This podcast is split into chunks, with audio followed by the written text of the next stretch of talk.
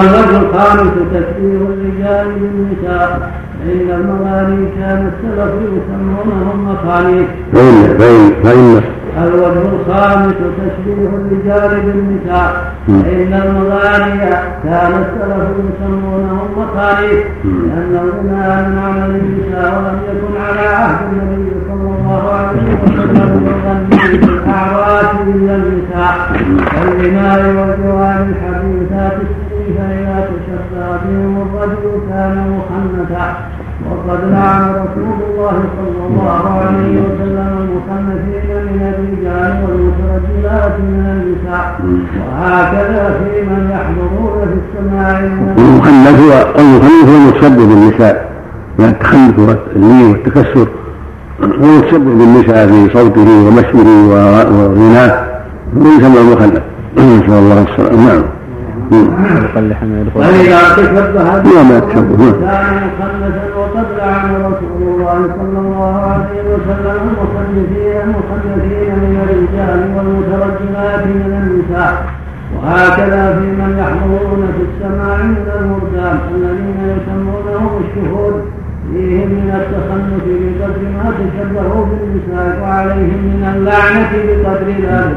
وثبت عن النبي صلى الله عليه وسلم أنه أمر بنفي المخنثين وقال أخرجوهم من بيوتكم كيف ما وكيف كيف نقربهم ونعلمهم ونجعلهم ونجعلهم طواغيت معظما ونجعل ونجعلهم طواغيتا فكيف نمر بقربهم؟ فكيف كيف نمر بقربهم عندي؟ فكيف نمر بقربهم نعم. ها؟ فكيف نمر نعم. بقربهم نعم. استقيم ليس كيف فكيف نمر بقربهم ونعظمهم مم. ونجعلهم طواغيتا معظمون كذا. معظمون ونجعلهم طواغيت.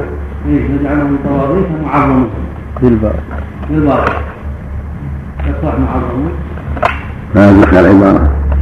العبارة هذه فكيف السطر وقد ثبت عن النبي صلى الله عليه وسلم أنه آمر بنفي المخنثين وقال أخرجوهم من بيوتكم فكيف نمر بقربهم؟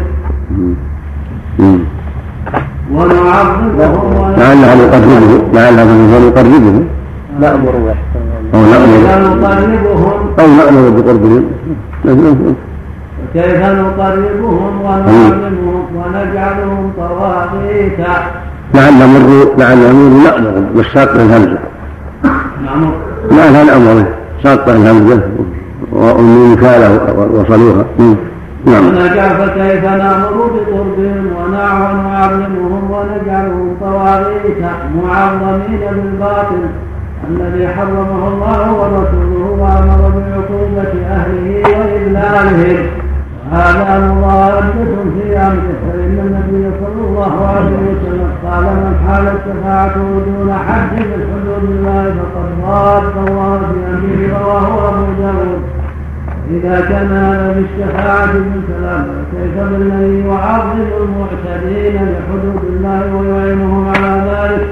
ويجعل ذلك دينا لا سيما التعظيم لا سيما التعظيم لما هو من جنس الفواحش. فإن هذا من شأنه إذا كان مباحا ستره أو إخفاؤه وأهله لا يجوز أن يجعله من ولاة الأمور.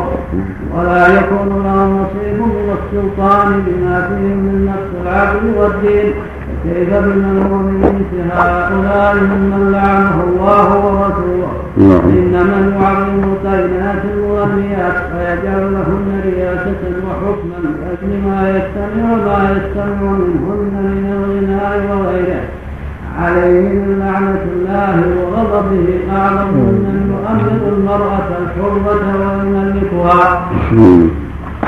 وقد قال النبي صلى الله عليه وسلم لا أفلح قوم ولو أمرهم امرأة الذي يعظم المخنثين من الرجال ويجعل لهم من الرئاسة والأمر على الأرض المحرم ما يجعل وهو أحق بلعنة الله وغضبه من أولئك فإن من الإماء والاستماع بهن من جنس المباح ما زال النساء وغيرهن من النساء يغنين على عهد النبي صلى الله عليه وسلم واصحابه في الافراح كالعرس وقدوم الغائب ونحو ذلك بخلاف من يستمعون منها من الولدان والنساء الاجنبيات ويجتمعون معهم على الفواحش إنما يكون ذلك من اعظم المحرمات.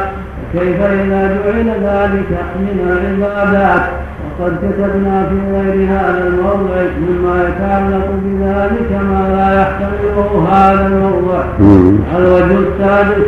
أن رفع نعم. الأصوات في الدين السادس غفر الله له غفر الله له الله المستعان الله المستعان لا حول ولا قوة هذا مثل ما قال مثل ما قال التبديل معناه تبديل الدين وتغييره جعل المغنيات والمخلفين وسماع اقوالهم والاجتماع عليهم جعله دينا وقربه يتقربون به هذا انتكاس له بالله نعم بسم الله الرحمن الرحيم الحمد لله رب العالمين وصلى الله وسلم على نبينا محمد وعلى آله وصحبه. أجمعين. قال المؤلف رحمه الله تعالى الوجه السادس ان رفع الاصوات في الذكر المشروع لا يجوز. إلا حيث جاءت به السنة كالآذان والتلبية ونحو ذلك. فالسنه للذاكرين والداعين أن لا يرفعوا أصواتهم رفعا شديدا. كما ثبت في الصحيح عن أبي موسى أنه قال كنا مع رسول الله صلى الله عليه وسلم. فكنا إذا علونا على شرف كبرنا فارتفعت أصواتنا فقال يا أيها الناس ارضعوا على أنفسكم فإنكم لا تدعون أصم ولا غالبا إنما تدعون سميعا قريبا إن الذي تدعون أقرب إلى أحدكم من عنق راحلته وقد قال تعالى ادعوا ربكم تضرعا وخفية إنه لا يحب المعتدين. وقال عن زكريا نادى ربه نداء خفيا وقال تعالى واذكر ربك في نفسك تضرعا وخفيا ودون الجهل وخفية وخيفة ودون الجهل من القول بالغدو والآصال ولا تكن من الغافلين؟ وفي هذا من الآثار عن سلف الأمة وأئمة أعمال والمعنى في هذا المعنى أن السنة خفض الصوت وعدم الرفع من الأذكار والدعاء هذا هو الأصل. إلا ما جاء الشرع لرفع الصوت فيه كالأذان والإقامة والتلبية ونحو ذلك مما جاء فيه رفع الصوت والذكر عقب الصلاة. حتى يتعلم الجاهل ويتذكر الناس ما جاء فيه رفع الصوت فهو مشروع لذلك. وما لم يأتي فيه فخفض الصوت فيه وعدم الجري به أولى ولا سيما الدعاء فإن كونه بين العبد وبين ربه أنفع. إلا ما كان يستمع له كالقنوت والاستسقاء ونحو ذلك. فالحاصل أن الأمور تتعلق بما جاء به الشرع في هذا. فالأصل في الدعاء السر وفي الذكر عدم الجهر إلا ما جاء به الشرع إنما دل عليه الشرع من شرعية رفع الصوت به كما يرفع الصوت بالأذان والإقامة والتلبية والذكر على قدر والسلام من الصلاة بما في هذا من المصالح من تعليم الجاهل وإرشاد الضال والدعوة إلى الحق وتلبية دعوة الله عز وجل للحج.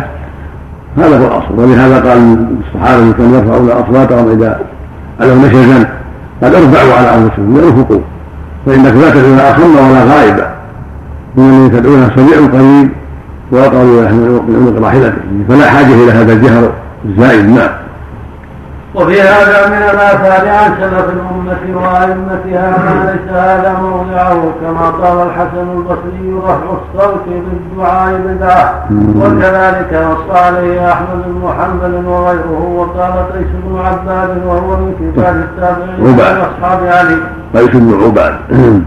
وقال قيس بن عباد وهو من كبار التابعين من أصحاب علي يبلغ الحار وعن الحسن البصري قال كانوا يستحبون خفض الصوت عند الذكر وعند الجنائز وعند القتال. وهذه المواطن الثلاثة تطلب النفوس فيها الحركة الشديدة ورفع الصوت عند الذكر والدعاء بما فيه من الحلاوة ومحبة ذكر الله ودعائه وعند الجنائز بالحزن والبكاء وعند القتال بالغضب والحمية ومضرته أكبر من منفعته. بل قد يكون ضررا محضا وإن كانت النفس تطلبه كما في حال المصائب. ولهذا قال النبي صلى الله عليه وسلم ليس منا من لطم الخدود وشق الجنوب ودعا بدعوى الجاهلية وتبرا النبي صلى الله عليه وسلم من الصالحة والحالقه والشاقة. والصالحة التي ترفع صوتها بالمصر فهو قد قال وهذه الصلاة يحفظ الصوت عندها لأنه يدعو إلى الفكر والتأمل. عند الذكر. يخلو صوته يتأمل ما يتعلق بحق الله وتعظيمه. وفي اتباع الجنائز لا حاجة إلى الصوت كان السلف يخفضون أصواتهم لأنهم يفكرون في مصير الجنازة وما لها في قبرها من نعيم أو عذاب وبعد ذلك. هو محل تفكير ومحل اعتبار ليس محل رفع الصوت. وبهذا يعلم أن ما يفعله بعض الناس من رفع الصوت مع الجنائز قل الله وحيد الله هذا لا أصل له. كذلك عند القتال محل تفكير ومحل نظر محل إخلاص لله عز وجل وتأمل في مواطن التمكن من العدو فليس محل رفع الصوت. هذه المواطن التي كان السلف يستحبون فيها خفض الصوت عند الذكر وعند الجنائز وعند القتال لما فيه هذه المقامات من الحاجة إلى الإخلاص والتدبر والتعقل وعدم رفع الصوت الذي قد يشغله عما هو أهم. نعم. وقال إن الله لا يؤاخذ على دمع دمع العين ولا على حزن القلب ولا على حزن القلب ولكن يؤاخذ على هذا. وأشار إلى لسانه أو يرحم وقال إن الناحة إذا لم تتب فإنها تلبس يوم القيامة من جرب وسنبال منتصران وهذه الأحاديث وغيرها في الصحاح ولهذا عظم نهي العلماء عن فيها مثل الضرب بالدخول ونحو ذلك. وراى تقطيع الدخ في الجنازة كما نص عليه أحمد وغيره بخلاف الدخ في العرس فإن ذلك مشروع. وأما القتال فهذا السنة أيضا في خفض الصوت ولهذا قال حماس بن قيس بن خالد لامراته يوم فتح مكة. إنك لو شهدت يوم الخندق إذ فر صفوان وفر عكرمة وأبو يزيد قائم كالمؤتمع واستقبلتهم بالسيوف المسلمة. يقطعن كل ساعد وجمجمه ضربا فلا يسمع إلا غمغمه لهم نهيك حل خلفنا وهمهمه لم تنطقي في اللوم أدنى كلمة. وهذه الدقائق والأبواق التي تشبه قرن اليهود وناقوس النصارى. لم تكن تعرف على عهد الخلفاء الراشدين ولا من بعدهم من أمراء المسلمين. وإنما حدث وإنما حدث في ظني من جهة بعض ملوك المشرق من أهل فارس فإنهم أحدثوا في أحوال الإمارة والقتال أمورا كثيرة. وانبثت في الأرض لكون ملكهم انتشر حتى ربى في ذلك الصغير وهرم فيها الكبير. لا يعرفون غير ذلك بل ينكرون أن يتكلم أحد بخلافه. حتى ظن بعض الناس أن ذلك من إحداث عثمان بن عفان وليس الامر كذلك بل ولا فعل وعامه الخلفاء والأمراء.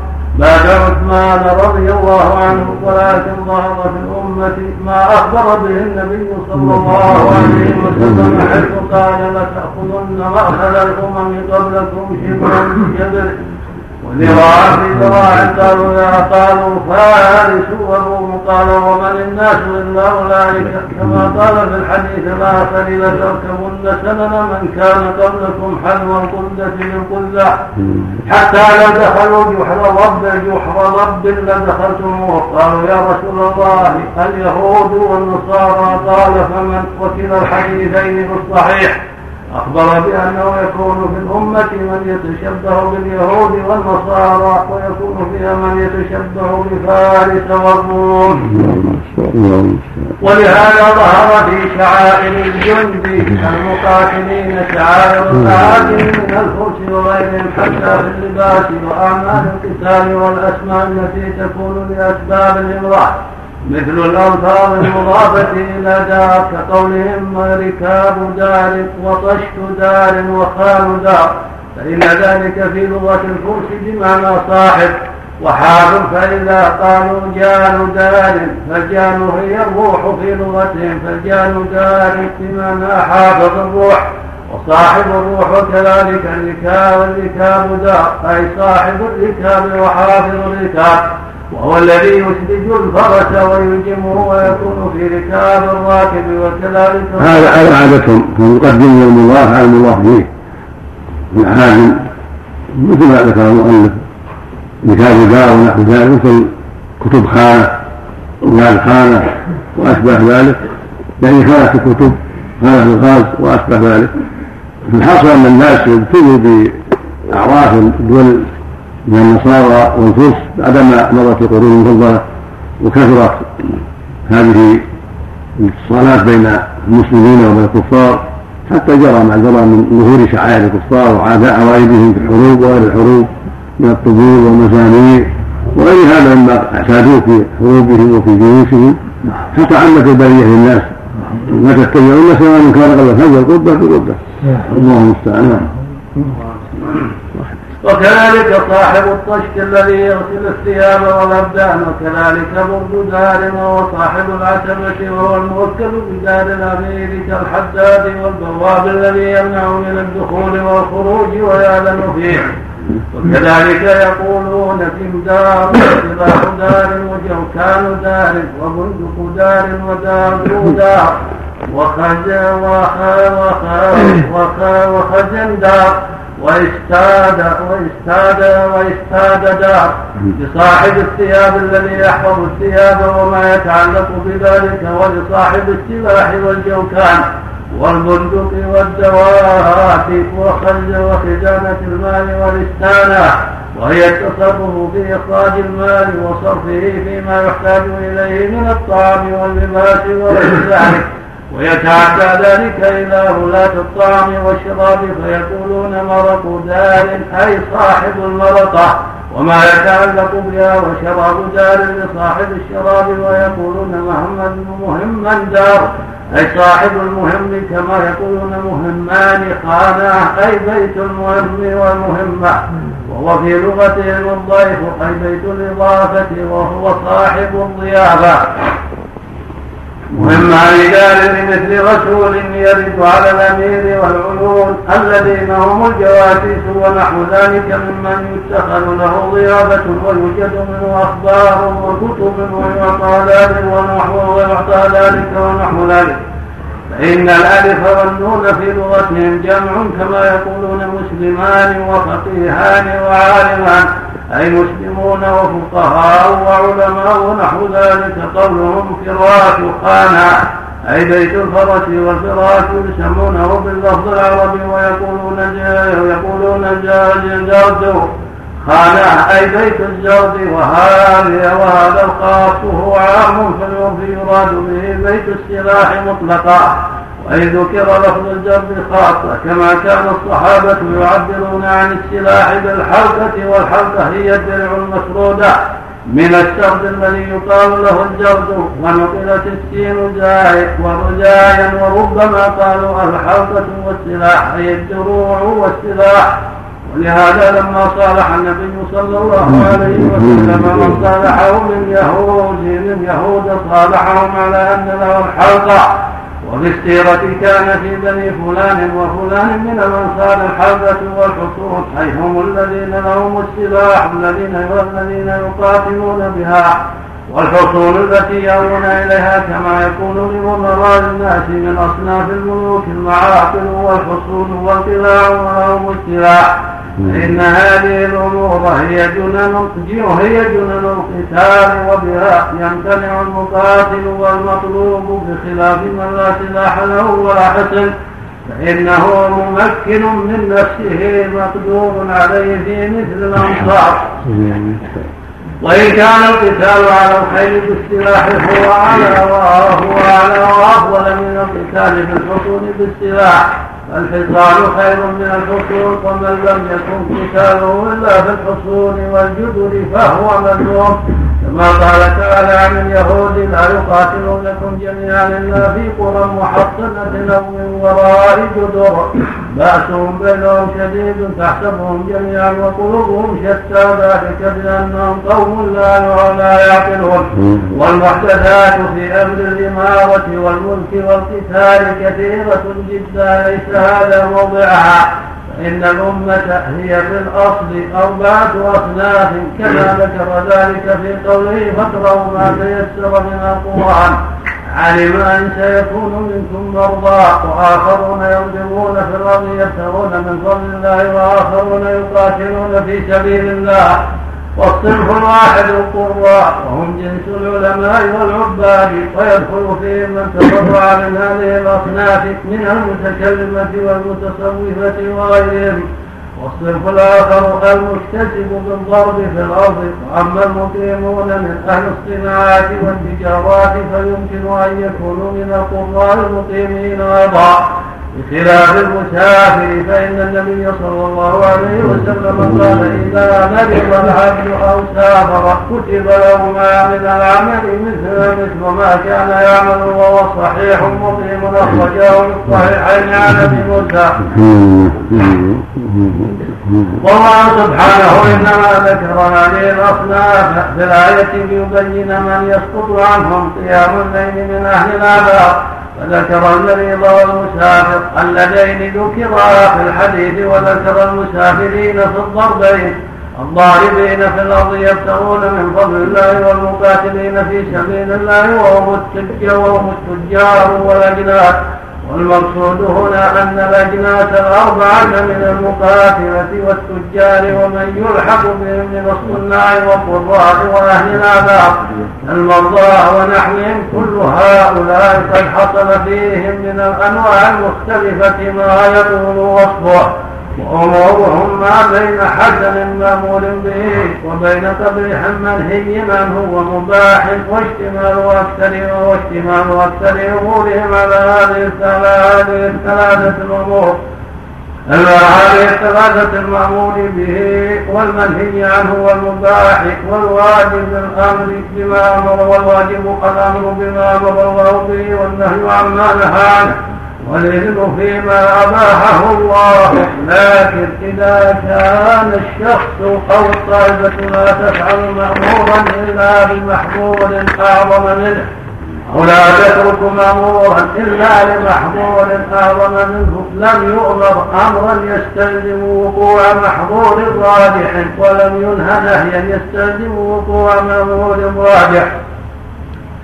فإن الأمر بالمعروف والنهي عن المنكر لكن إذا كان الشخص أو الطائفة لا تفعل مأمورا إلا بمحظور أعظم منه أو لا تترك مأمورا إلا بمحظور أعظم منه لم يؤمر أمرا يستلزم وقوع محظور راجح ولم ينهى نهيا يستلزم وقوع مأمور راجح. فإن الأمر بالمعروف والنهي عن المنكر هو الذي بعثت به الرسل والمقصود تحصيل المصالح وتكميلها وتعقيد المفاسد وتقليلها بحسب الإمكان فإذا كان الأمر بالمعروف والنهي عن المنكر مستلزما من الفساد أكثر مما فيه من الصلاح. لم يكن مشروعا وقد كره أئمة السنة القتال في الفتنة التي يسميها كثير من أهل الأهواء الأمر بالمعروف والنهي عن المنكر. فإن ذلك إذا كان يوجب فتنة هي أعظم فسادا مما في ترك الأمر بالمعروف والنهي عن المنكر. لم يدفع أدنى الفسادين بأعلاهما بل يدفع أعلاهما باحتمال أدناهما كما قال النبي صلى الله عليه وسلم. ألا أنبئكم بأفضل من درجة الصيام والصلاة والصدقة والأمر بالمعروف والنهي عن المنكر؟ قالوا بلى يا رسول الله. قال إصلاح ذات البين فإن فساد ذات البين هي الحالقة. لا أقول تحلق الشعر ولكن تحلق الدين لكن المقصود هنا أن هذه الأصوات المحدثة في أمر الجهاد. وإن قلنا أن فيها مصلحة راجعة فإن التزام المعروف هو الذي فيه المصلحة الراجحة. ما في أصوات الذكر إن السابقون الأولون والتابعون لهم بإحسان أفضل من المتأخرين في كل شيء من الصلاة وجنسها من الذكر والدعاء قراءة القرآن واستماعه وغير ذلك ومن الجهاد والإمارة بسم الله الحمد لله والصلاة والسلام على رسول الله. أما بعد فهذه حلقة الثامن عشر من شهر ربيع الأول لعام سبعة وأربعمائة وألف. وإلى هنا كان قد انتهى الشريط الأول الأصلي الذي تم التسجيل عليه. وعنده حدث هذا السقط اليسير وهو دون السطرين في صفحة إحدى وثلاثين وثلاثمائة. فنقرأ الفقرة بتمامها تماما للفائدة. قال رحمه الله تعالى لكن المقصود هنا أن هذه الأصوات المحدثة في أمر الجهاد وإن ظن أن فيها مصلحة راجحة فإن التزام المعروف هو الذي فيه المصلحة الراجحة. كما في أصوات الذكر إذ السابقون الأولون والتابعون لهم بإحسان أفضل من المتأخرين في كل شيء من الصلاة وجنسها من الذكر والدعاء وقراءة القرآن واستماعه. وغير ذلك ومن الجهاد والإمارة وما يتعلق بذلك من أصناف السياسات من أصناف السياسات والعقوبات والمعاملات في إصلاح الأموال وصرفها. فإن طريق السلف أكمل في كل شيء ولكن يفعل المسلم من ذلك ما يقدر عليه. كما قال الله تعالى فاتقوا الله ما استطعتم تم بحمد الله تعالى مع تحيات وخلص دعوات أبي أحمد محمد ابن رفيق العجمي. وفق الله الجميع بما يحبه ويرضاه وصلى الله وسلم وبارك على عبده ورسوله نبينا محمد النبي الأمي وعلى آله وصحبه أجمعين والتابعين لهم بإحسان إلى يوم الدين. والآن مع تتمة الحلقة من صفحة إحدى وثلاثين وثلاثمائة. سبحانك اللهم وبحمدك أشهد أن لا إله إلا أنت أستغفرك وأتوب إليك. وطريق السلف أكمل في كل شيء ولكن يفعل المسلم من ذلك ما يقدر عليه كما قال الله تعالى فاتقوا الله ما استطعتم وقال النبي صلى الله عليه وسلم إذا أمرتكم بأمر فاتوا منه ما استطعتم ولا حول ولا قوة إلا بالله قال أبو قاسم القشيري وإن حسن الصوت مما الله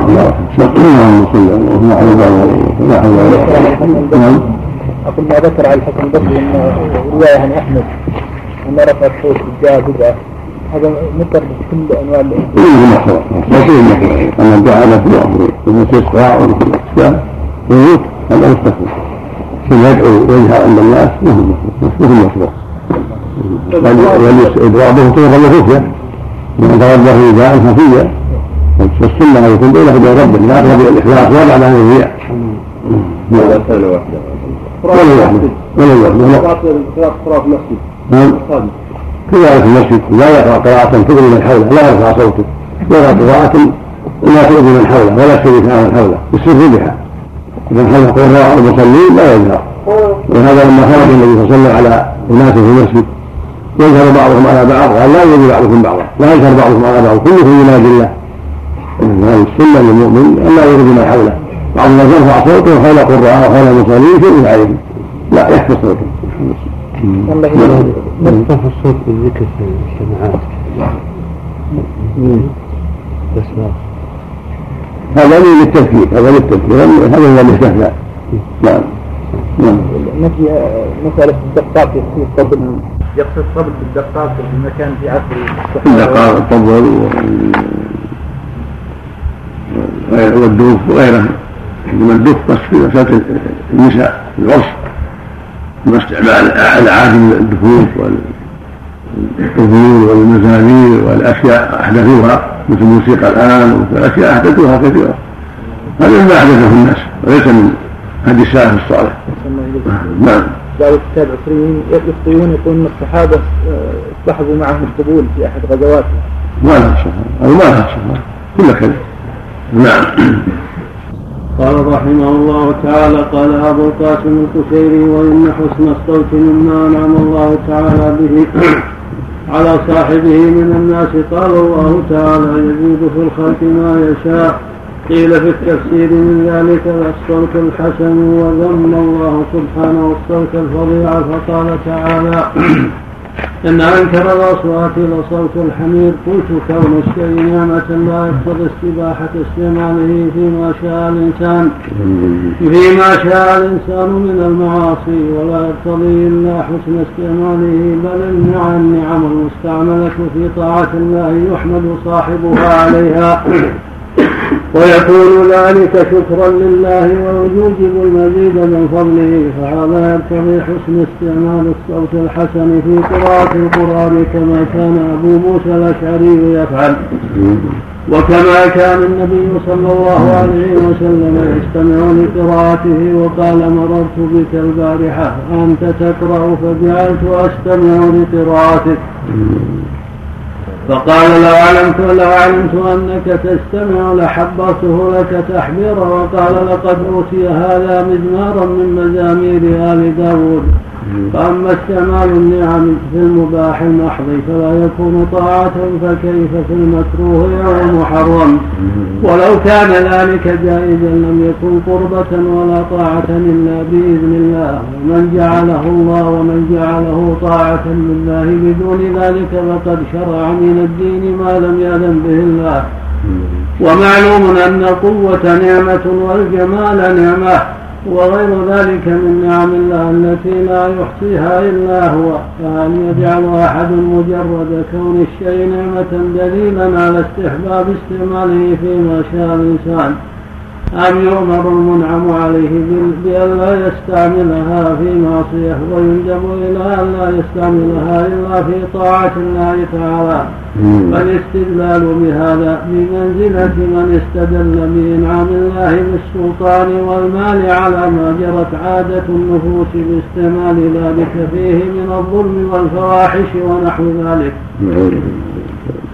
فأما استعمال الصوت الحسن في الأغاني وآلات الملاهي مثل استعمال الصور الحسنة في الفواحش واستعمال السلطان بالكبرياء والظلم والعدوان واستعمال المال في نحوه ثم يقال له هذه النعمة يستعملها الكفار والفساق في أنواع من الكفر والفسوق.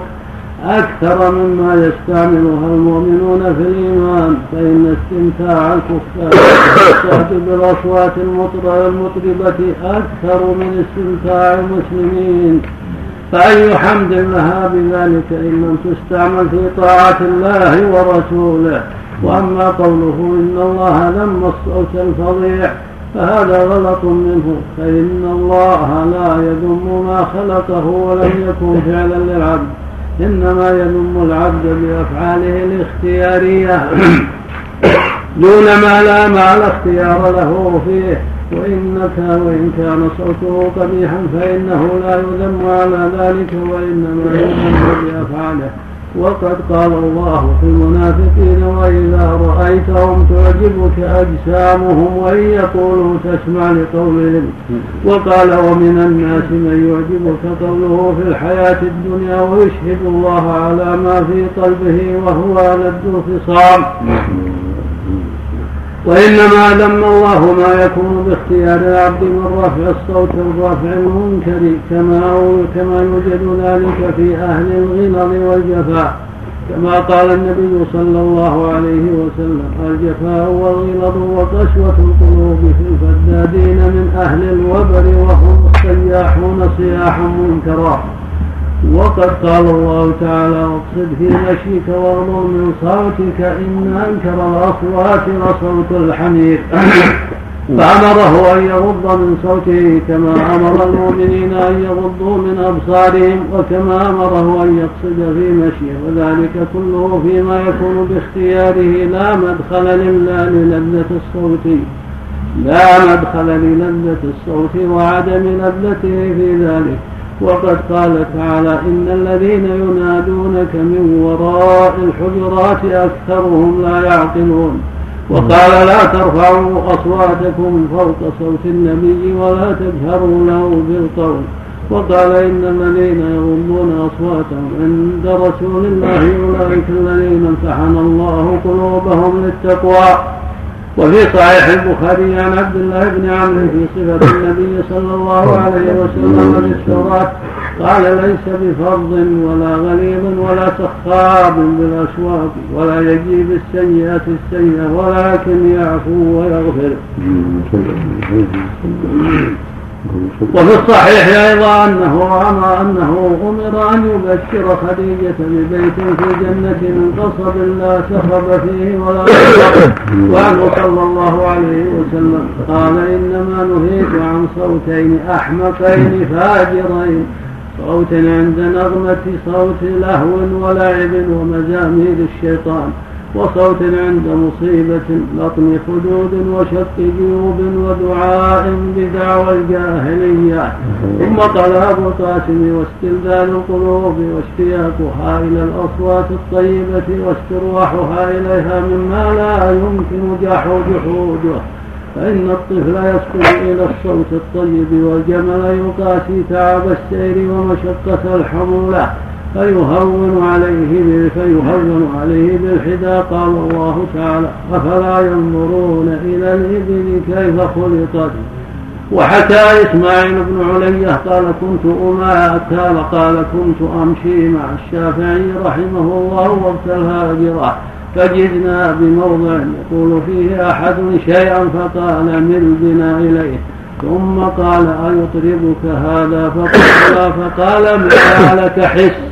قلت قد كان مستغنيا عن أن يستشهد على الأمور الحسية بحكاية مكذوبة على الشافعي.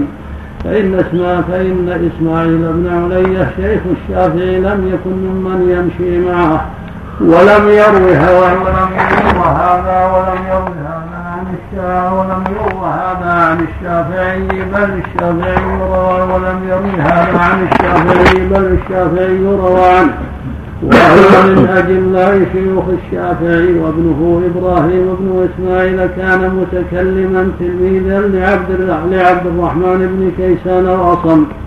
أحد شيوخ المعتزلة وكان قد ذهب إلى مصر وكان بينه وبين الشافعي مناواة حتى كان الشافعي يقول فيه أنا مخالف لابن علية في كل شيء حتى في قول لا إله إلا الله.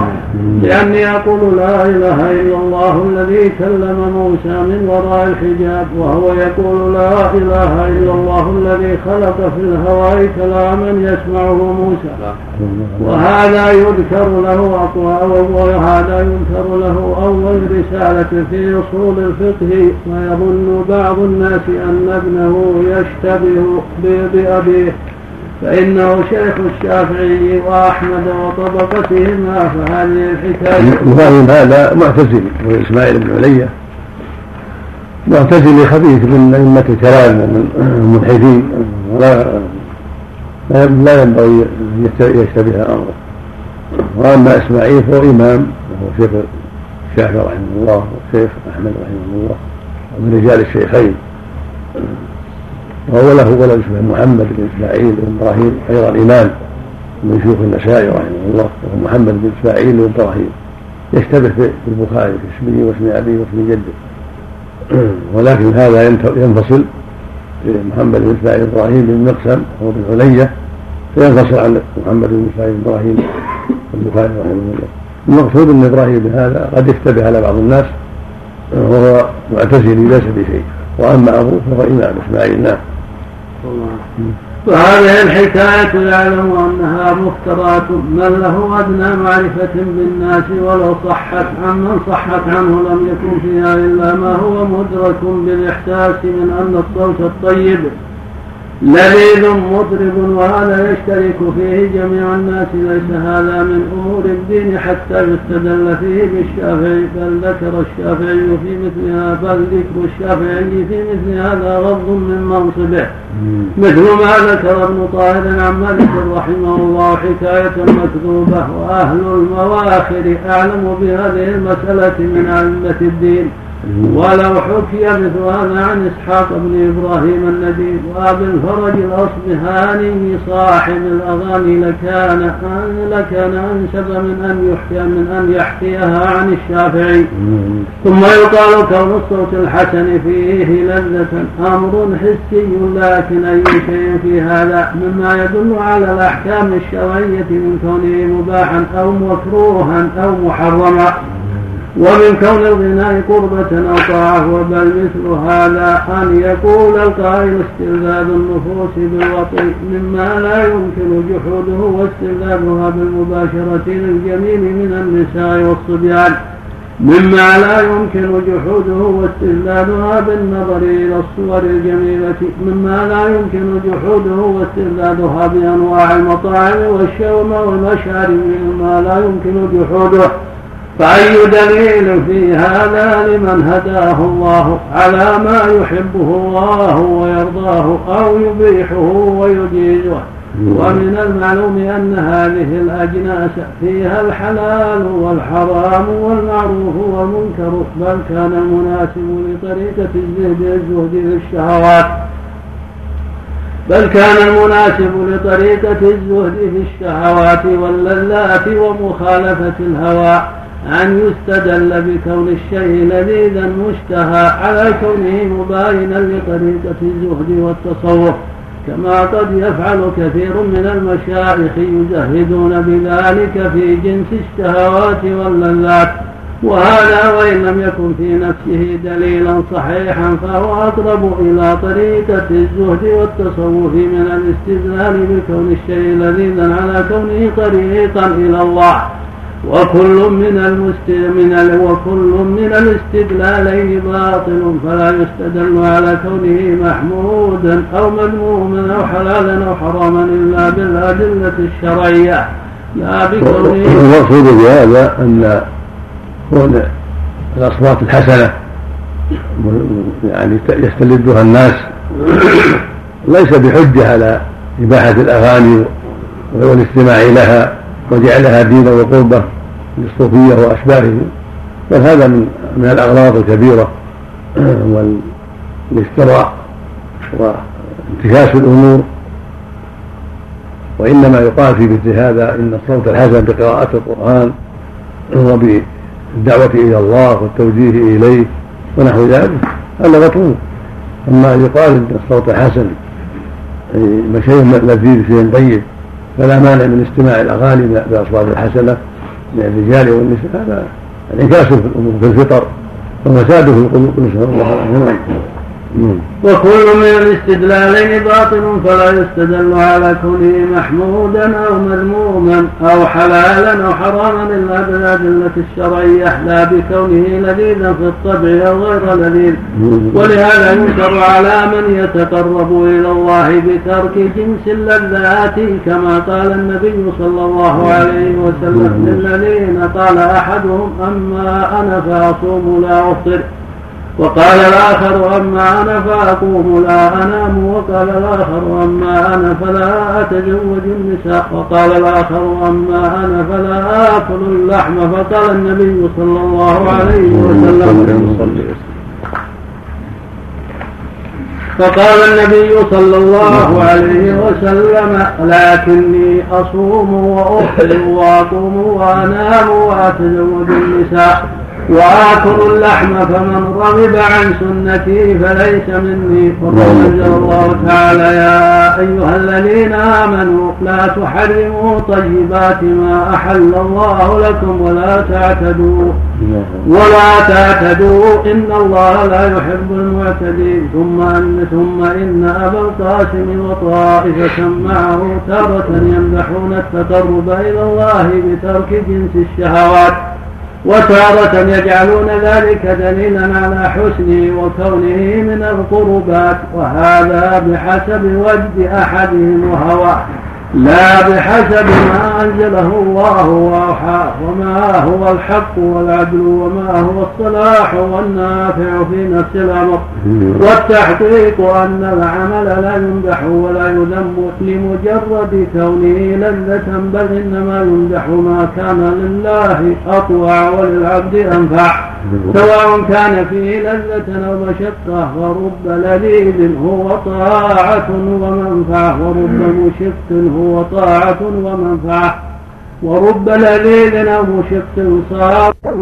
ثم إن أبا القاسم وطائفة معه تارة يمدحون التقرب إلى الله بترك جنس الشهوات. وتارة يجعلون ذلك دليلا على حسنه وكونه من القربات وهذا بحسب وجد أحدهم وهواه. لا بحسب ما أنزله الله وأوحاه وما هو الحق والعدل وما هو الصلاح والنافع في نفس الأمر. والتحقيق أن العمل لا يمدح ولا يذم لمجرد كونه لذة بل إنما يمدح ما كان لله أطوع وللعبد أنفع. سواء كان فيه لذة أو مشقة ورب لذيذ هو طاعة ومنفعة ورب مشق هو طاعة ومنفعة. ورب لذيذ أو مشق صار منهيا عنه ثم لو استدل بهذا على تحسين القرآن به لكان مناسبا. فإن الاستعانة بجنس اللذات على جنس الطاعات مما جاءت به الشريعة كما يستعان بالأكل والشرب على العبادات. قال تعالى يا أيها الذين آمنوا كلوا من الطيب كلوا من طيبات ما رزقناكم واشكروا لله. وقال كلوا من الطيبات واعملوا صالحا. وفي الحديث المتفق عليه قوله عليه السلام لسعد إنك لن تنفق نفقة تبتغي بها وجه الله. إلا ازددت بها درجة ورفعة حتى اللقمة ترفعها إلى في امرأتك. وقال وفي بضع أحدكم في بضع أحدكم أهله صدقة وكذلك حمده في النعم كما في الحديث الصحيح. إن الله لا يرضى عن العبد أن يأكل الأكلة فيحمده عليها فلو قال إن الله خلق فينا الشهوات واللذات لنستعين بها على كمال مصالحنا. فخلق فينا شهوة الأكل واللذة به. فإن ذلك في نفسه نعمة وبه يحصل بقاء جسومنا في الدنيا. وكذلك شهوة النكاح واللذة شهوة النكاح واللذة به. وهو في نفسه نعمة وبه يحصل بقاء النسل. فإذا استعين بهذا وفإذا استعين بهذه القوى على ما أمر ما أمرنا به. فإذا استعنا بهذه القوى على ما أمرنا به كان ذلك سعادة لنا في الدنيا والآخرة. وكنا من الذين أنعم الله عليهم نعمة مطلقة. وإن استعملنا الشهوات فيما حضره علينا بأكل الحبائث في نفسها أو كسبها كالمظالم أو بالإسراف فيها أو تعدينا أزواجنا أو ما ملكت أيماننا. كنا ظالمين معتدين غير شاكرين لنعمته. غير شاكرين لنعمته. لكان هذا كلاما حسنا. والله قد خلق الصوت الحسن وجعل النفوس تحبه وتلتذ به. فإذا استعنا بذلك في استماعنا أمرنا باستماعه وهو كتابه وفي تحسين الصوت به كما أمرنا بذلك كما أمرنا بذلك. كما أمرنا بذلك قال زينوا القرآن بأصواتكم وكما كان يفعل أصحابه بحضرته مثل أبي موسى وغيره. كنا قد استعملنا النعمة في الطاعة وكان هذا حسنا مأمورا به كما كان عمر بن الخطاب رضي الله عنه يقول لأبي موسى يا أبا موسى ذكرنا ربنا ويقرأ وهم يستمعون وكان أصحاب محمد صلى الله عليه وسلم إذا اجتمعوا أمروا واحدا منهم أن يقرأ والباقي يستمعون.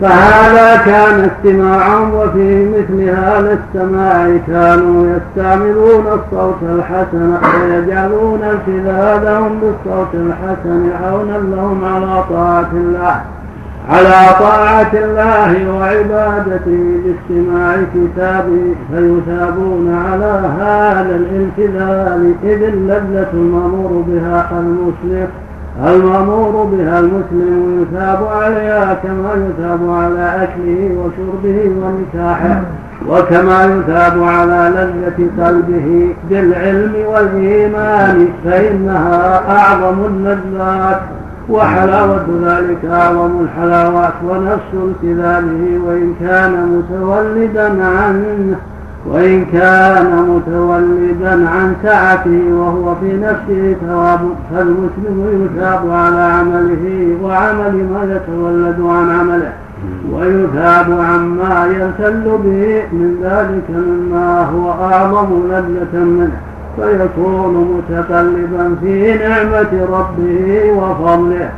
أما أن يستدل بمجرد استرلال الإنسان للصوت أو ميل الطفل إليه أو استراحة القلب به على جواز أو استحباب في الدين فهو من أعظم الضلال. وهو كثير في من يعبد الله بغير العلم المشروع. ومن المعلوم أن الأطفال والبهائم تستروح بالأكل والشرب فهل يستدل بذلك على أن كل أكل وشرب فهو حسن مأمور به؟ وأصل الغلط في هذه الحجج الضعيفة أنهم يجعلون الخاص عاما في الأدلة المنصوصة. رحمه الله رحمه الله سمع الله المستعان. ثلاث واربعين نعم.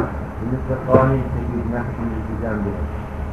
أفضل التجديد من حسن به تلاوة القرآن وجود به إلقاء القرآن بحروفه الكاملة وتفخيمه وترقيقه ومدوده لكن ليس بواجب كما يقول بعض المزودين وأمة التجويد.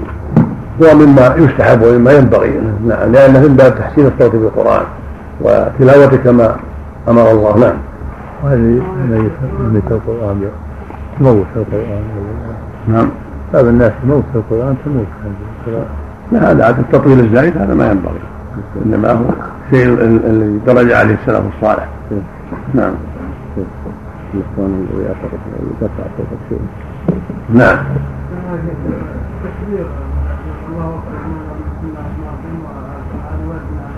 لا ورد في حديث ضعيف لا ما في تكبير يقرأ من دون تكبير ما يقال انه شرع التكبير من الضحى إلى آخره هو حديث ضعيف كما نبه عليه كثير وغيره. لا هذا ذكر بعض القراء إنه يكبر عندما يبدأ صلاه الضحى إلى آخره. ولكن الأحاديث هذا ضعيفة. نعم. بسم الله الرحمن الرحيم. الحمد لله رب العالمين. وصلى الله وسلم على نبينا محمد وعلى آله وصحبه أجمعين. قال رحمه الله تعالى واصل الغلط في هذه الحجج الضعيفة. أنهم يجعلون الخاص عاما في الأدلة المنصوصة وفي عموم الألفاظ المستنبطة فيجنحون إلى أن الألفاظ في الكتاب والسنة.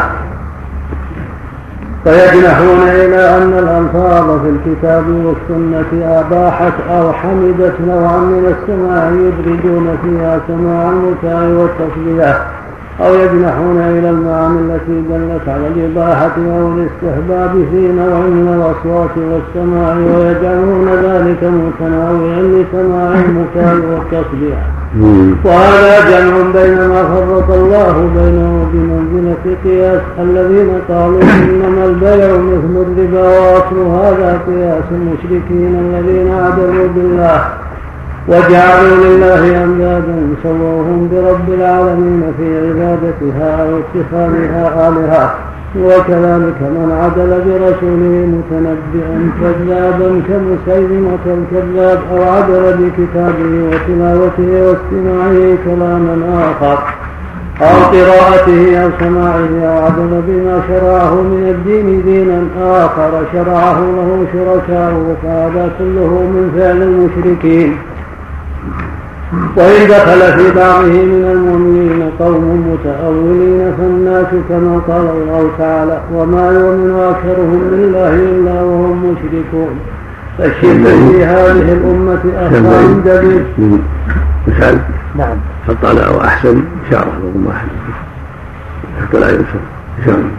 بمعنى لي. إشارة. نعم. رقم واحد ولا إشارة؟ نعم.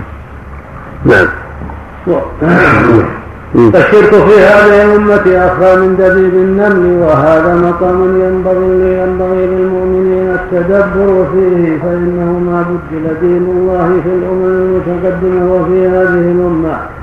إلا بمثل هذا القياس ولهذا قيل ما عبدت الشمس والقمر إلا بالمقاييس وأصل الشرك أن تعد أن تعدل بالله.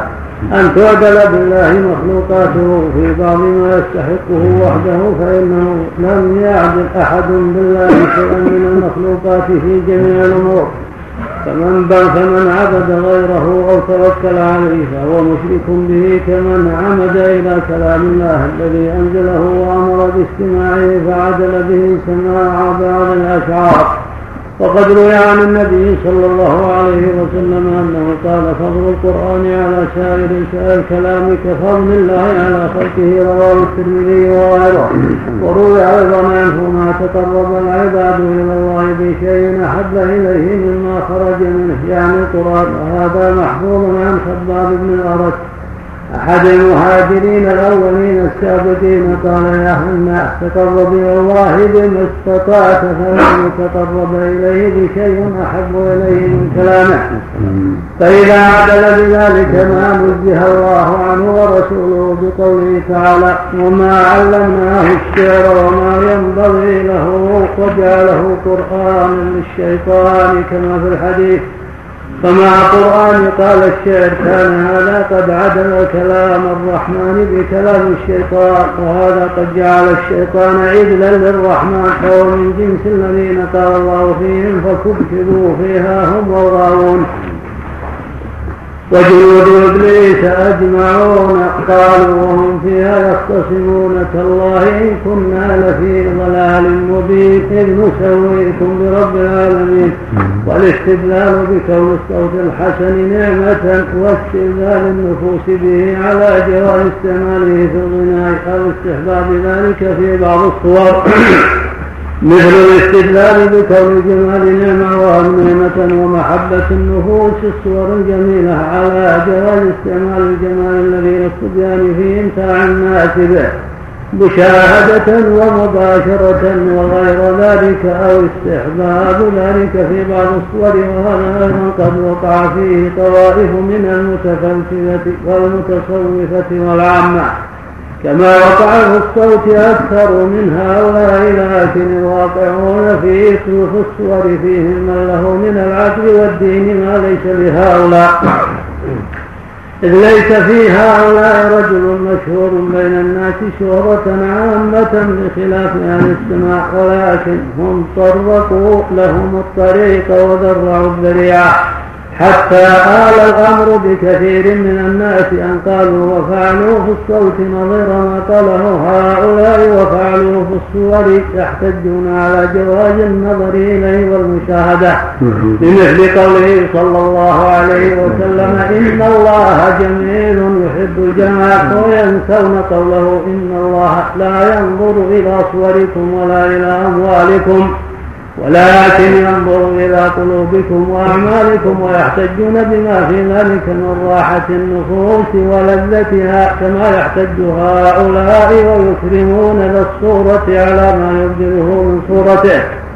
وإشهادهم إياها كما يكرم هؤلاء الصوت على ما يبدله من صوته وإسماعهم إياه بل كثيرا ما يجمع في الشخص الواحد بين الصورة والصوت كما يفعل المغنيات من القينات وقد زين الشيء كما يفعل المغنيات من القينات نعم. وقد زين الشيطان لكثير من المتنسكة والعباد أن محبة الصور الجميلة إذا لم يكن بفاحشة فإنه محبة لله كما زين لهؤلاء أن استماع هذا الغناء لله ففيهم من يقول هذا اتفاقا وفيهم من يظهر أنه يحبه لغير فاحشة. ويبطن محبة الفاحشة وهو الغالب لكن ما أظهروه من الرأي الفاسد وهو أن يحب لله ما لم يأمر الله بمحبته.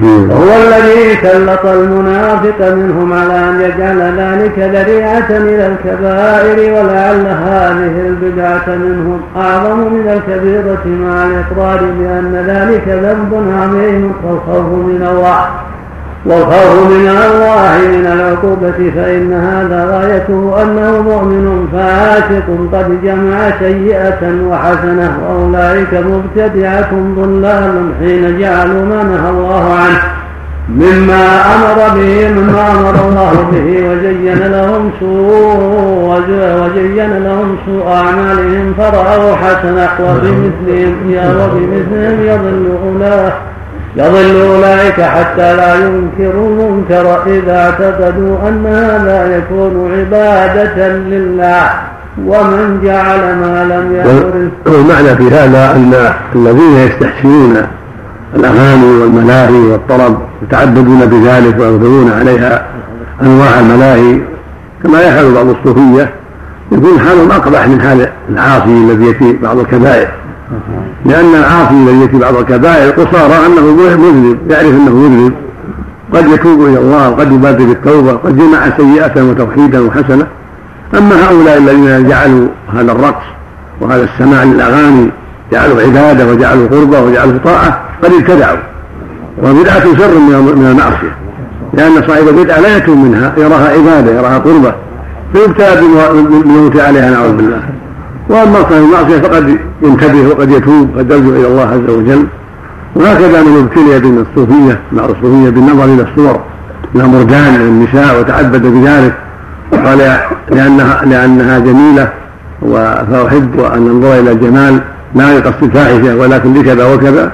فيجرهم هذا إلى الفواحش والمنكرات واللواط والزنا نعوذ بالله من ذلك.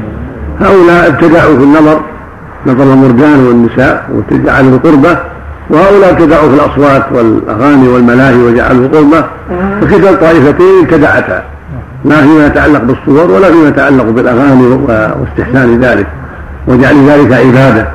أما من تعاطى المعاصي من سائر المعاصي وهو مسلم موحد هذا قد ينتبه قد يتوب الله عليه قد يرجع قد يعني يعلم أنه مذنب وأنه عاصي فهو حري بأن يتوب ويرجع ويبادر.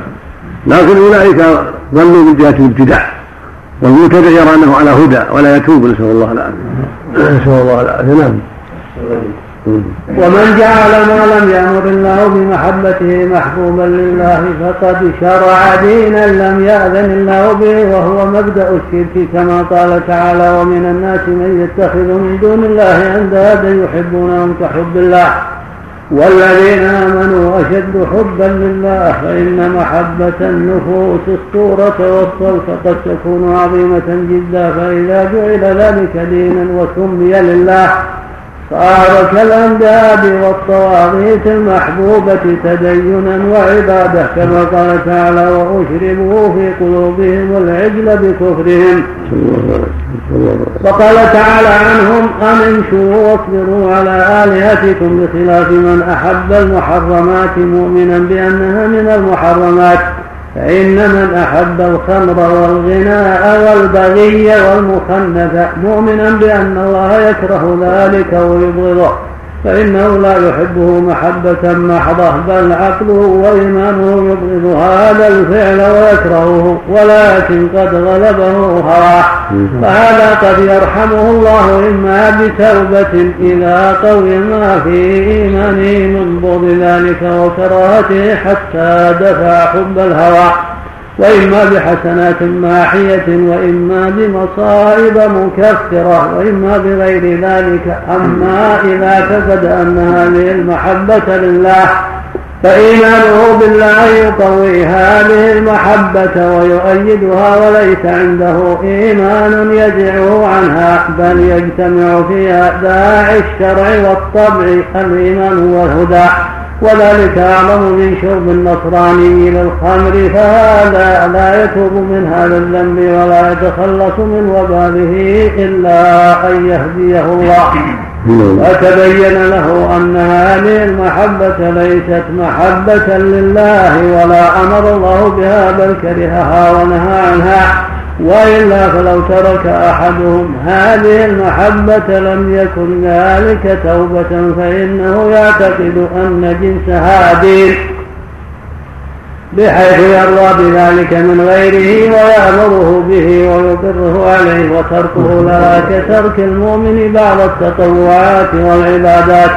وليس في دين الله محبة أحد لحسنه قط فإن مجرد الحسن لا يثيب الله عليه ولا يعاقب. ولو كان كذلك كان يوسف عليه السلام لمجرد حسنه أفضل من غيره من الأنبياء لحسنه. وإذا استوى شخصان في الأعمال الصالحة وكان أحدهما أحسن صورة وأحسن صوتا كان عند الله سواء. فإن أكرم الخلق عند الله أتقاهم يعم صاحب الصوت الحسن والصورة الحسنة. إذا استعمل ذلك في طاعة الله دون معصيته كان أفضل من هذا الوجه كصاحب المال والسلطان. إذا استعمل ذلك في طاعة الله دون معصيته. فإنه بذلك الوجه فإنه بذلك الوجه أفضل من ممن لم يشركه في تلك الطاعة ولم يمتحن بما امتحن به حتى خاف مقام ربه ونهى النفس عن الهوى. ثم ذلك الغير إن كان له عمل صالح آخر يساويه به. وإلا كان الأول أفضل مطلقا. وهذا عام لجميع الأمور التي أنعم الله تعالى بها على بني آدم وابتلاهم بها. فمن كان فيها شاكرا صابرا كان من أولياء الله المتقين وكان ممن امتحن بمحبة حتى صبر وشكر. وإن لم يكن المبتلى صابرا شكورا بل ترك ما أمر الله به وفعل ما نهى الله عنه. كان عاصيا أو فاسقا أو كافرا وكان من سلم من هذه المحنة خيرا منه. إلا أن يكون له ذنوب أخرى يكافيه بها. وإن جمع بين طاعة ومعصية فإن فإن ترجحت طاعته كان أرجح ممن لم يكن له مثل ذلك.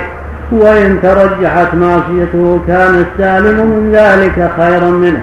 فإن كان له مال يتمكن به في الفواحش والظلم فخالف هواه وأنفقه فيما يبتغى به وجه الله أحب الله ذلك منه وأكرمه وأثابه.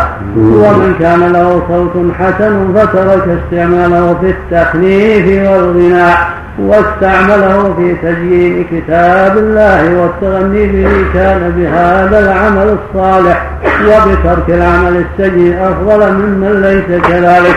فإنه يثاب على تلاوة كتاب الله فيكون في عمله معنى الصلاة ومعنى الزكاة.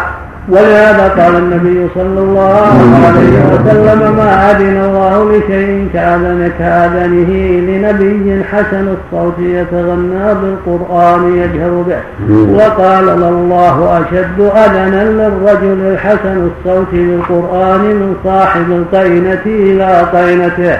ومن كان له صورة حسنة. صحيح هذا الحديث. نعم. الذي نعم. ومن كان له صورة حسنة. فعف عما حرم الله تعالى وخالف هواه وجمل نفسه بلباس التقوى الذي قال الله فيه. يا بني آدم قد أنزلنا عليكم لباسا يواري سوآتكم وريشا ولباس التقوى ذلك خير. كان هذا الجمال يحبه الله وكان من هذا الوجه أفضل ممن لم يؤت مثل هذا الجمال مما لا يكساه وجه العاصي. فإن كانت خلقته حسنة ازدادت حسنا وإلا كان عليها من النور والجمال بحسبها. وأما أهل الفجور فتعلو وجوههم ظلمة المعصية حتى يكسف الجمال المخلوق. قال ابن عباس رضي الله عنه إن للحسنة لنورا في القلب وضياء في الوجه وقوة في البدن وزيادة في الرزق ومحبة في قلوب الخلق وإن للسيئات لظلمة في القلب وغبرة في الوجه وضعفا في البدن ونقصا في الرزق وبغضة في قلوب الخلق. وهذا يوم القيامة يكمل حتى يظهر لكل أحد كما قال تعالى يوم تبيض وجوه وتسود وجوه. وأما الذين اسودت وجوههم أكفرتم بعد إيمانكم فذوقوا العذاب بما كنتم تكفرون. وأما الذين ابيضت وجوههم ففي رحمة الله هم فيها خالدون. وقال تعالى ويوم ويوم القيامة ترى الذين كذبوا على الله وجوههم مسودة. أليس في جهنم مثوى للمتكبرين؟ وقال تعالى وجوه يومئذ ناظرة إلى ربها ناظرة ووجوه يومئذ باشرة تظن أن يفعل بها فاضرة وقال تعالى وجوه يومئذ مسفرة ضاحكة مستبشرة ووجوه يومئذ عليها غبرة ترهقها قترة. أولئك هم الكفرة الفجرة. وقال تعالى وجوه يومئذ خاشعة عاملة ناصبة تصلى نارا حامية ووجوه يومئذ ناعمة لسعيها راضية. وقال تعالى وإن يستغيثوا يغاثوا بماء كالمهل يشوي الوجوه وقال تعالى إن الأبرار لفي نعيم على الأرائك ينظرون تعرف في وجوههم نظرة النعيم. وقال النبي صلى الله عليه وسلم لا تزال المسألة بأحدهم حتى يجيء يوم القيامة. وليس في وجهه مزعة لحم. وقال من سأل الناس وله ما يكفيه. جاءت مسألته خدوشا أو فدوحا في وجهه يوم القيامة. وقال عليه السلام أول زمرة تلج الجنة.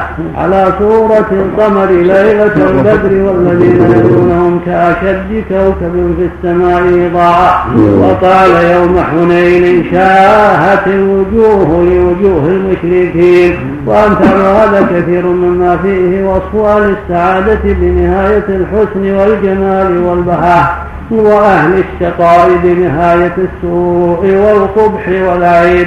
وقد قال تعالى في وصف في الدنيا محمد رسول الله والذين معه أشداء على الكفار رحماء بينهم إلى قوله سبحانه سيماهم في وجوههم من أثر السجود. فهذه السيما في وجوه المؤمنين والسيما العلامة. وأصلها من الوسم وكثيرا ما يستعمل في الحسن كما كما جاء في صفة النبي صلى الله عليه وسلم وسيم قسيم. قال الشاعر غلام رماه الله بالحسن يافعا له سيماء لا تشقه له سيما. له سيماء فهو سيماء لا تشق على البصر. غلام رماه الله بالحسن يافعا. له سيماء لا تشق على البصر. نعم لا يمكن أن في التفسير والتخفيف لا غير الشعر أيضا نعم. سيماء وسيما لاجل العلامة لاجل التسديد الله أعلم لاجل الشعر أو أنها تستعمل مثقلة ومخففة. نعم. العلامة. نعم. العلامة نعم. وقال الله تعالى في صفة المنافقين ولو نشاء لأريناكهم فلعرفتهم بسيماهم. فجعل للمنافقين سيما أيضا. وقال وإذا تتلى عليهم آياتنا بينات تعرف في وجوه الذين كفروا المنكر فهذه السيما وهذا المنكر قد يوجد في وجوه في وجه منصورته المخلوقة وضياء كما يوجد مثل ذلك في الرجال والنساء والولدان لكن بالنفاق قبح وجهه. ولم يكن فيه الجمال الذي يحبه الله وأساس ذلك النفاق والكذب. ولهذا يوصف الكذاب بسواد الوجه كما يوصف الصادق ببياض الوجه كما أخبر الله بذلك. ولهذا روي عن عمر بن الخطاب أنه أمر بانه أمر بتعجيل شاهد الزور بأن يسود وجهه ويركب مقلوبا على الدابة فإن العقوبة من جنس الذنب. فاسود وجهه بالكذب وطلب الحديث سود وجهه وقلب في رطوبه وهذا أمر محسوس ليس ليس محسوس لمن له قلب فإنما في القلب من النور والظلمة والخير والشر يسري كثيرا من الوجه والعين. وهما أعظم الأشياء ارتباطا بالقلب. ولهذا يروى عن عثمان أو غيره أنه قال ما أسر أحد بسريرة إلا أبداها الله على صفحات وجهه وفلتات لسانه. والله قد أخبر في القرآن أن ذلك قد يظهر في الوجوه في الوجه. فقال ولو نشاء لأريناكهم فلعرفتهم بسيماهم.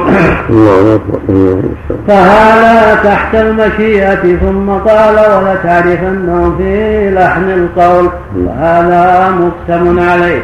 محقق لا شرط فيه وذلك أن ظهور ما في القمع في قلب الإنسان على لسانه أعظم من ظهوره في وجهه. لكنه يبدو في الوجه بدوا خفيا يعلمه الله. فإذا صار فإذا صار خلقا ظهر لكثير من الناس. وقد يقوى السواد والقسمة حتى يظهر لجمهور الناس. وربما مسخ قردا أو خنزيرا كما في الأمم قبلنا وكما في هذه الأمة. وكما في هذه الأمة أيضا. وهذا كالصوت كالصوت المطرب إذا كان مشتملا على كذب وفجور. فإنه موصوف بالقبح والسوء الغالب على ما فيه من حلاوة الصوت.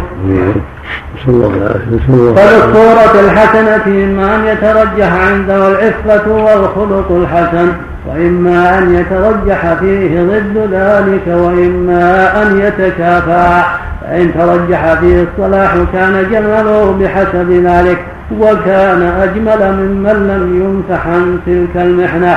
وإن ترجح فيه الفساد لم يكن جميلا بل قبيحا مذموما. فلا يدخل في قوله إن الله جميل يحب الجمال. وإن تكافأ فيه وإن تكافأ فيه الأمران. كان فيه من الجمال والقبح بحسب ذلك فلا يكون محبوبا ولا مبغضا. والنبي صلى الله عليه وسلم ذكر هذه الكلمة للفرق بين الكبر الذي يبغضه الله والجمال الذي يحبه الله. فقال لا يدخل الجنة من كان في قلبه مثقال ذرة من كبر. فقال رجل يا رسول الله الرجل يحب أن يكون ثوبه حسنا ونعله حسنا. أفمن الكبر ذلك؟ فقال لا. إن الله جميل يحب الجمال. الكبر بطر الحق وغمط الناس. وأخبر أن تحسين الثوب قد يكون من الجمال الذي يحبه الله.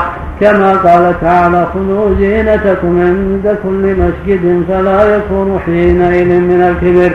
وقد يرد أنه ليس كل ثوب جميل وكل نعل جميل فإن الله يحب فإن الله يحبه فإن الله يبغض لباس الحرير ويبغض الإسراف والخيلاء في اللباس.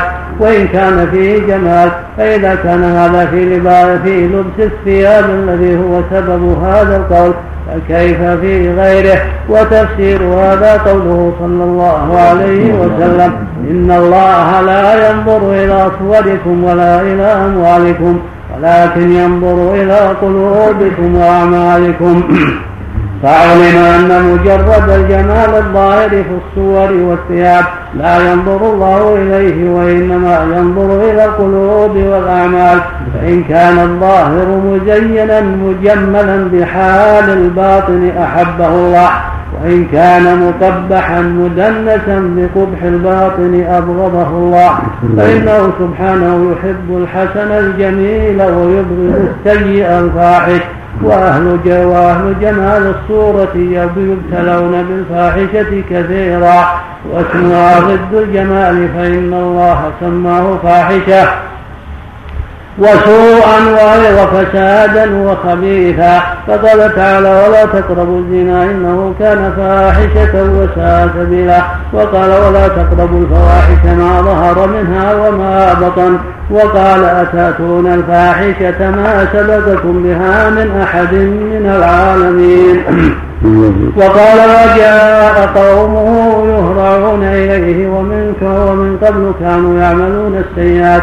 وقال ونجيناه من القرية التي كانت تعمل الخبائث وقال رب انصرني على القوم المفسدين. وقال وأمطرنا عليهم مطرا فانظر كيف كان عاقبة المجرمين. والفاحش والخبيث ضد الطيب والجميل. فإذا كان كذلك أبغضه الله ولم يحبه. ولم يحبه ولم يكن مندرجا في الجميع. ونظير ذلك قوله صلى الله عليه وسلم إن الله لا يحب الفحش ولا التفحش. وقوله إن الله يبغض الفاحش البذيء فلو أضحك الرجل وبدأ بصوته بصوته الحسن كان الله يبغض ذلك. عندك فلو نظر ذلك؟ رحمه الله ورحمه الله قدس الله المستعان نعم نعم. بسم الله الرحمن الرحيم. الحمد لله رب العالمين. وصلى الله وسلم على نبينا محمد وعلى آله وصحبه أجمعين. قال رحمه الله تعالى ونظير ذلك قوله صلى الله عليه وسلم إن الله لا يحب الفحش ولا التفحش وقوله إن الله يبغض الفاحش الذي فلو أفحش الرجل وبدا بصوته الحسن كان الله يبغض ذلك ونفي المخنثين سنة من سنن النبي صلى الله عليه وسلم. الثابتة عنه في موضعين في حق الزاني والزانية اللذين لم يحسنا كما قال جلد مئة وتغريب عام. وفي حق المخنث وهو إخراجه من بين الناس وذلك أن الفاحشة لا تقع إلا مع قدرة ومكنة ومع قدرة ومكنة الإنسان. لا يكون ذلك إلا إذا طمع فيه بما يراه من أسباب المكنة. فمن العقوبة على ذلك قطع أسباب المكنة فإذا تغرب الرجل عن أهله وأعوانه وأنصاره الذين يعاونونه وينصرونه ذلت نفسه وانقهرت فكان ذلك جزاء نكالا من الله من الجلد ولأنه مفسد مع الجلد. مع الجلد نعم. ولأنه مفسد لأحوال من يساكنه فيبعد عنهم وكذلك المخنث يفسد أحوال الرجال والنساء. والنساء جميعا فلا يسكن مع واحد من الصنفين وقد كان من سنة النبي صلى الله عليه وسلم وسنة خلفائه التمييز التمييز بين الرجال والنساء والمتأهلين والعزاب فكان المندوب في الصلاة أن يكون الرجال في مقدم المسجد والنساء في مؤخره. وقال النبي صلى الله عليه وسلم خير صفوف الرجال أولها وشرها آخرها وخير صفوف النساء آخرها وشرها أولها. وقال يا معشر النساء لا ترفعن رؤوسكن حتى يرفع الرجال رؤوسهم من ضيق الأذر وكان إذا سلم لبث هنيها وهو والرجال لينصرف النساء أولا لئلا يختلط الرجال والنساء وكذلك يوم العيد كان النساء يصلين في ناحية. فكان إذا قضى الصلاة خطب الرجال ثم ذهب فخطب النساء فوعظهن وحثهن على الصدقة كما ثبت ذلك في الصحيح. وقد كان عمر بن الخطاب وبعضهم يرفعه إلى النبي صلى الله عليه وسلم قد قال عن أحد أبواب المسجد. أظنه الباب الشرقي لو تركنا هذا الباب للنساء فما دخله عبد الله بن عمر حتى مات. وفي السنن عن النبي صلى الله عليه وسلم أنه قال للنساء لا تحالات ولا تحققنا الطريق لا تحققنا لا تحقق لا تحققن الطريق وامشين في حافته أي لا تمشين في حق الطريق وهو وسطه. وقال عليه السلام ما يغار أحدكم أن يزاحم امرأته أن يزاحم امرأته العلوج بمنكبها يعني في السوق. وكذلك لما قدم المهاجرون المدينة كان العزاب ينزلون دارا معروفة لهم متميزة. عن دور المتأهلين فلا يلزم العجب بين المتأهلين وهذا كله لأن اختلاط أحد الصنفين بالآخر سبب الفتنة. فالرجال إذا اختلطوا بالنساء كان بمنزلة اختلاط النار والحطب وكذلك العجب بين الآهلين فيه فتنة لعدم ما يمنعه. فإن الفتنة تكون لوجود المقتضي وعدم المانع فالمخنث الذي ليس رجلا محضا ولا هو امرأة محضا. لا يمكن خلطه بواحد من الفريقين فأمر النبي صلى الله عليه وسلم بإخراجه من بين الناس وعلى هذا المخنث من الصبيان وغيرهم لا يمكن من معاشرة الرجال ولا ينبغي أن تعاشر المرأة المتشبهة بالرجال النساء بل يفرق بين بعض الذكران وبين بعض النساء إلى خيبة الفتنة كما قال النبي صلى الله عليه وسلم. مرهم بالصلاة لسبع واضربوهم عليها لعشر وفرقوا بينهم في المضاجع. وقد نهي عن مباشرة الرجل الرجل في ثوب واحد وعن مباشرة المرأة المرأة. في ثوب واحد مع أن القوم لم يكونوا يعرفون التلوط ولا السحاق وإنما هو من تمام حفظ حدود الله كما أمر الله بذلك في كتابه. ولا شك أن هذا من التي تبعد الشر فإن إذا كان الرجل مع الرجل في ثوب واحد وقعت الفتنة وهكذا المرأة مع المرأة في ثوب واحد يعني في لحاف واحد قد يقع السحاق والمقصود ان ان أن الشريعة جاءت بتمييز هؤلاء عن هؤلاء وإبعاد أسباب الشر مهما أمكن. لا في مسألة المخلفين ولا في مسألة الشباب مع النساء ولا في مسألة النساء مع الرجال. ينبغي يجب على ولاة الأمور وأهل الحسبة أن يراعوا هذه الأمور حتى لا تقع الكوارث. ومن ذلك نزول العزاب بين الأهالي بين المتأهلين في عمارة أو في بيت واحد أو ما أشبه هذا بل يكون هؤلاء في محل وهؤلاء في محل. ابعادا لهم عن الفتنة. وهكذا نوم الإنسان مع أخته أو مع أخيه في لحاف واحد قد يقع الشيطان. هذا يكون له فراش وهذا يكون له فراش. نعم. الله. وقد روي أن عمر بلغه أن رجلا كأن رجلا يجتمع إليه نفر من الصبيان فنهى عن ذلك وأبلغ من ذلك أنه نفى ما نفى من شبب به النساء وهو نصر بن حجاج. لما سمع امرأة شببت به وتشببت به وتشتهيه ورأى هذا سبب الفتنة فجز شعره لعل لعل سبب الفتنة يزول بذلك.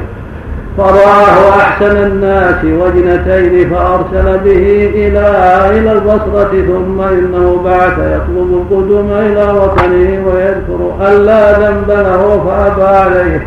وقال أنا وقال أما وأنا حي فلا. وذلك أن المرأة إذا أمرت بالاحتجاب وترك التبرج وغير ذلك مما هو من أسباب الفتنة في هؤلاء فإذا كان نعم. فتنة في البصرة كالفتنة في المدينة وإلا يكون إبعادها عن محل الصلاة لا ما يعرفونه يعرفونه به الأمراء يلاحظونه. أما اللي عرفوه في المدينة لا. الإنسان قد ينعمل في بلاد ما يعرف فلا يفتن به أحد. لكن في المدينة قد عرفه النساء أنشدوا به الأشعار. لهذا أبعده عمر. نعم. فإذا كان في الرجال من قد من قد صار فتنة للنساء أمر أيضا بمباعدة سبب الفتنة إما بتغيير هيئته وإما بالانتقال عن المكان الذي تحصل به فيه الذي تحصل به الفتنة فيه لأنه بهذا يحصن دينه ويحصن النساء دينهن. وبدون ذلك مع وجود المقتضي منه ومنهن لا يؤمن ذلك. وهكذا يؤمر من يفتن النساء من الصبيان أيضا. وذلك أنه إذا احتيج إلى المباعدة التي تزيل الفتنة كان تبعيد الواحد أيسر من تبعيد الجماعة الجماعة الرجال أو النساء. ذاك غير ممكن فتحفظ حدود الله ويجانب ما يوجب تعدي الحدود بحسب الإمكان. وإذا كان هذا في من لا ريبة فيه ولا ذنب فكيف بمن يعرف بالريبة والذنب؟ وهكذا المرأة التي تعرف بريبة تفتن بها الرجال تبعد عن مواضع الريب بحسب الإمكان. فإن دفع الضرر عن الدين بحسب الإمكان واجب. فإذا كان هذا هو السنة. فكيف بمن يكون في جمعه من أسباب الفتنة ما الله به عليم. والرجل الذي يتشبه بالنساء في دينهن واستعمال أسماء الجمال والحسن والزينة ونحو ذلك في الأعمال الصالحة. استعمال والرجل الذي يتشبه بالنساء في دينهن إيه. واستعمال أسماء الرجال الجمال والحسن والزينة ونحو ذلك في الأعمال الصالحة والقبح والشين والدنس في الأعمال الفاسدة. أمر ظاهر في الكتاب والسنة وكلام العلماء واستعمال أسماء الجمال والحسن والزينة ونحو ذلك أسماء أسماء ولا أسباب؟ أسماء. يضاف كلمة قبلها كلمة وهكذا المرأة التي تعرف بريبة تفتن بها الرجال تبعد عن مواضع الريب بحسب الإمكان. فإن دفع الضرر عن الدين بحسب الإمكان واجب فإذا كان هذا هو السنة وكيف بمن يكون في جمعه من أسباب الفتنة ما الله به عليم. والرجل الذي يتشبه بالنساء في جيهن واستعمال أسماء الجمال والحسن. لعلها أسباب. حطها حاسب لعلها أسباب. أسباب من المناسب لعلها أسباب. نعم. والحسن والزينة ونحو ذلك في الأعمال الصالحة والقبح والشين والدنس في الأعمال الفاسدة أمر ظاهر في في الكتاب والسنة وكلام العلماء مثل اسم الطبيب الطبيب مثل اسم الطيب والطهارة والخبث. ما يرجح هذا أنها أسماء والله كان كان. مثل اسم الطيب والطهارة والخبث والنجاسة ومثل ذلك ما الله تعالى على حاله نعم نعم. ومن ذلك ما في حديث أبي ذر أبي ذر المشهور وقد رواه أبو حاتم بن حبان في صحيحه عن النبي صلى الله عليه وسلم أنه قال من حكمة آل داود حق على العاقل أن يكون له ساعة يناجي فيها ربه وساعة يحاسب فيها نفسه وساعة يكون فيها مع أصحابه الذين يخبرونه عن ذات نفسه وساعة يخلو فيها بلذته فيما يحل ويجم ويجمل فذكر ويجمل. ويجمل فذكر الحل والجمال. وهذا يشهد بقول يعني أربع ساعات ما ينقل. في حكمة آل داود. أربع ساعات. ساعة. ينادي فيها ربه ويعمل الصالحات. وساعة يحاسب فيها نفسه. ماذا فعل؟ وماذا ترك؟ وماذا قصر فيه؟ وساعة مع أصحابه. يحبونه عن عيوبه وعن تقصيره. ويذكرون بالله ويذكركم ويتعاونون على الخير والبر والتقوى والساعة الرابعة مع أهله وأولاده وحاجة نفسه. وهذه أربع ساعات مهمة. هذه من حكمة. أربع ساعات. الساعة الأولى فيما يتعلق بطاعة الله ومناجاته. من أداء الصلوات وأداء الحقوق التي لله عليه. في أوقاتها. الساعة الثالثة محاسبة للنفس. ماذا فعل وماذا ترك وماذا قصد بكذا؟ وماذا أراد بكذا؟